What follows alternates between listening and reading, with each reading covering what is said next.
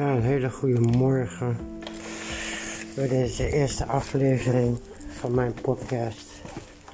Iets wat totaal nieuw is voor mij. En waar ik graag gebruik van maak als whistleblower. Over de GGZ. Het editen van mijn podcast om jullie duidelijke informatie te geven over het nazi-systeem dat verwerkt is in het GGZ-systeem in Nederland. Ook spreek ik uit veel eigen ervaring. Ervaring uh, waarbij ik eigenlijk van jongs af aan eigenlijk al in de hulpverlening vertoefd. Ik heb veel trainingen gehad en ja, ik sta momenteel aan het front. Dus ik weet en zie waar de problemen liggen. En zie verschrikkelijk veel corruptie. Weinig investeren in mensen. In Rotterdam hebben politieagenten zelf projecten opgezet om dakloze jongens van de straat af te halen, een dak boven het hoofd te bieden en werk. Waarom zou Amsterdam dit niet kunnen? Amsterdam heeft daar gewoon helemaal geen zin in. Amsterdam die verdient aan dakloze mensen.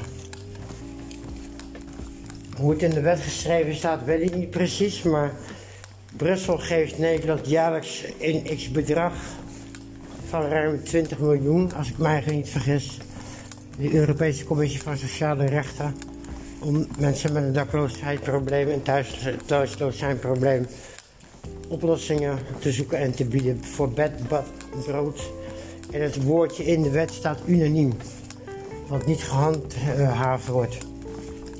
Momenteel is de regenbooggroep gesloten, de noodopvang is gedeeltelijk gesloten. Er zal binnenkort een politieinterventie gaan plaatsvinden voor Polen en Roemenen die slapen op het terrein van de regenbooggroep. Georganiseerd en veilig, maar ze worden de onveiligheid uh, ingestuurd en ze verbreken banden. Ik heb je veel te vertellen.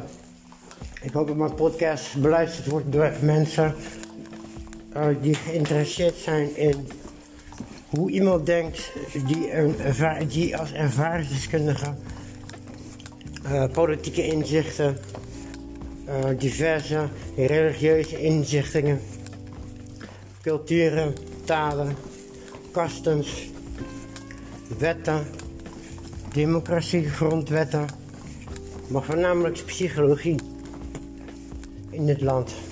Laten we het daar eens over hebben. Al die jaren probeerde Nederland neutraal te blijven in oorlogen. In de Tweede Wereldoorlog is dat niet gelukt en is Anton Mussert aan de macht gekomen. Dat stukje socialisme is nog steeds in Nederland te vinden.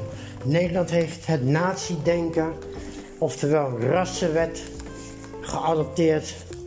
En zij implementeren dit op de volgende wijze. Nederland is 1,4% overgepopuleerd. Ik ben bang, uh, maar daar moet ik een nader onderzoek naar doen, dat die overpopulatie wordt berekend aan de hand van dakloze mensen en problematische uitgeprocedeerde uh, vluchtelingen. Dat zijn mensen die buiten de maatschappij staan. Want ja, hoe wil je dan overpopulatie berekenen in mijn ogen? En Nederland denkt zo. Ik weet hoe dit land denkt, dus ze zullen alle uitbuitenbeentjes als, als, uh, als die 1,4% rekenen. De grenzen staan in verschillende landen dicht. Met wie schaffendes van eh, eh, Angela Merkel gooit iedereen zijn grenzen open. Voorlopig zijn er heel veel landen die hun grenzen dichtgooien.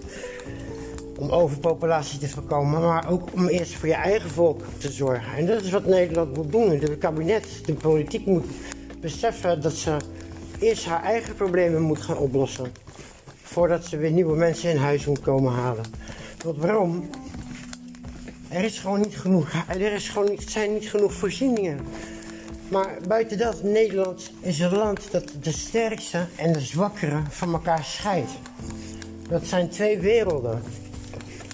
Je kan in Nederland het goed hebben of je kan het heel slecht hebben.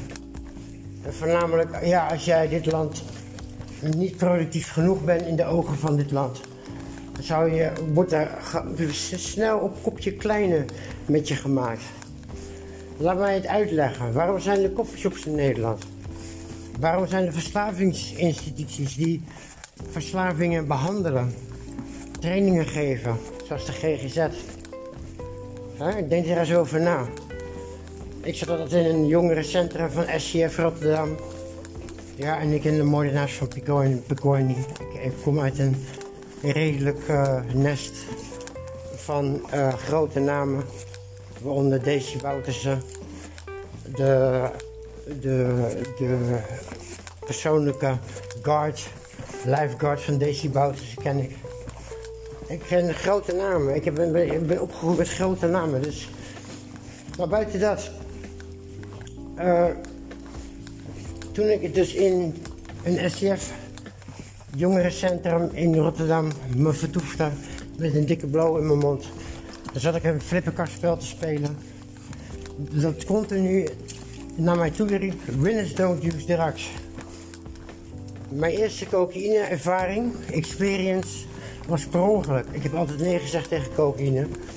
Ook als mijn vriend het aanbood, ik vond het te duur. En het was een onbekend terrein voor mij.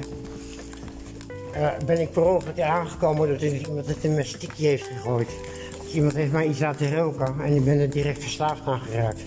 Als dat nooit had gebeurd geweest, had ik waarschijnlijk nooit verslaafd geweest aan cocaïne. Dat weet ik wel zeker. Maar goed, buiten dat, het is een kennismaking, kennismakingsaflevering. Ik ga jullie in meerdere podcasts uitleggen hoe dit land werkt met sterke en zwakke, met de rassenwet, productieve burgers, selecteren van productieve burgers uh, in de vluchtelingencircuit uh, en nog veel meer. Mijn naam is Peter meer en ik heb jullie veel te vertellen. Weet je? En uh, ja, ik zou zeggen, blijf hangen. Je kan geen comments sturen. Ik zal een uh, YouTube kanaal ook aanmaken. Uh, gericht aan dit, aan dit podcast. Uh, aan deze podcast. wat we gaan bespreken, dat is Nederland. twee dimensies. Nederland dictatuur. Nederland politiestaat. Nederland socialistisch denken. Nederland een natieachtig karakterregime. Democratie waar, niet, waar, waar, wat, waar niet voor iedereen geldt. De bekende rapper Salah het land van, het land van is een goed voorbeeld daarvan. Misschien dat ik een stukje even ertussen gooi. Uh, wat interviews zal ik uh, erin gooien over hoe Nederland 17 tot 20.000 mensen per jaar ombrengt met medicatie. Ongewenste euthanasie. Ik heb het zelf meegemaakt. Men heeft poging tot doodslag, poging tot moord op mij gepleegd. Ik ben een persoon die geradicaliseerd is. Continu met wapens in zijn hoofd zit om slachtoffers te maken aan de kant van de GGZ. Dan wel door bomexplosieven, dan wel door wapens. En ik wil mijn kans gaan maken. Wie weet kom ik wel in de geschiedenis terecht. Ik vertel je later in die podcast wel meer daarover. Uh, ik ben vrijwel bekend met de dood. Ik ben eerder bang voor God dan dat ik voor de dood bang ben. Ik heb de dood ook getart en meegespeeld toen ik jong was. Uh, door het uit te dagen. De dood betekende niks voor mij toen ik op jonge leeftijd uh, was. Maar nadat ik mijn eerste dood in mijn omgeving ervaarde van een persoon die ik kende. Van het woonwagenkamp waar ik geboren ben, waar Bert C, de gevaarlijkste man van Nederland, ook is opgegroeid. Is goed, nou ik ga kijken of deze podcast uh, beluisterd wordt. Wordt hij meer dan uh, eh, 20 keer beluisterd. Dan ga ik een tweede aflevering erin gooien.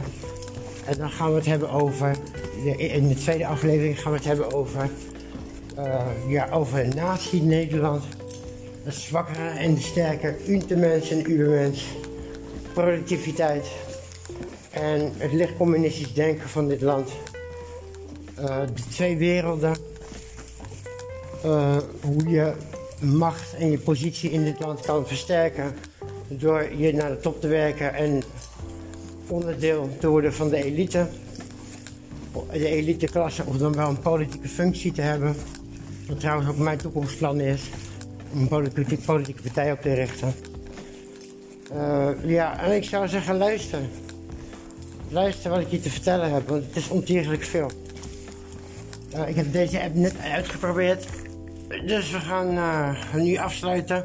Ik hoop dat jullie binnenkort snel terugkomen en binnenkort straks snel wat terugsturen. Dankjewel.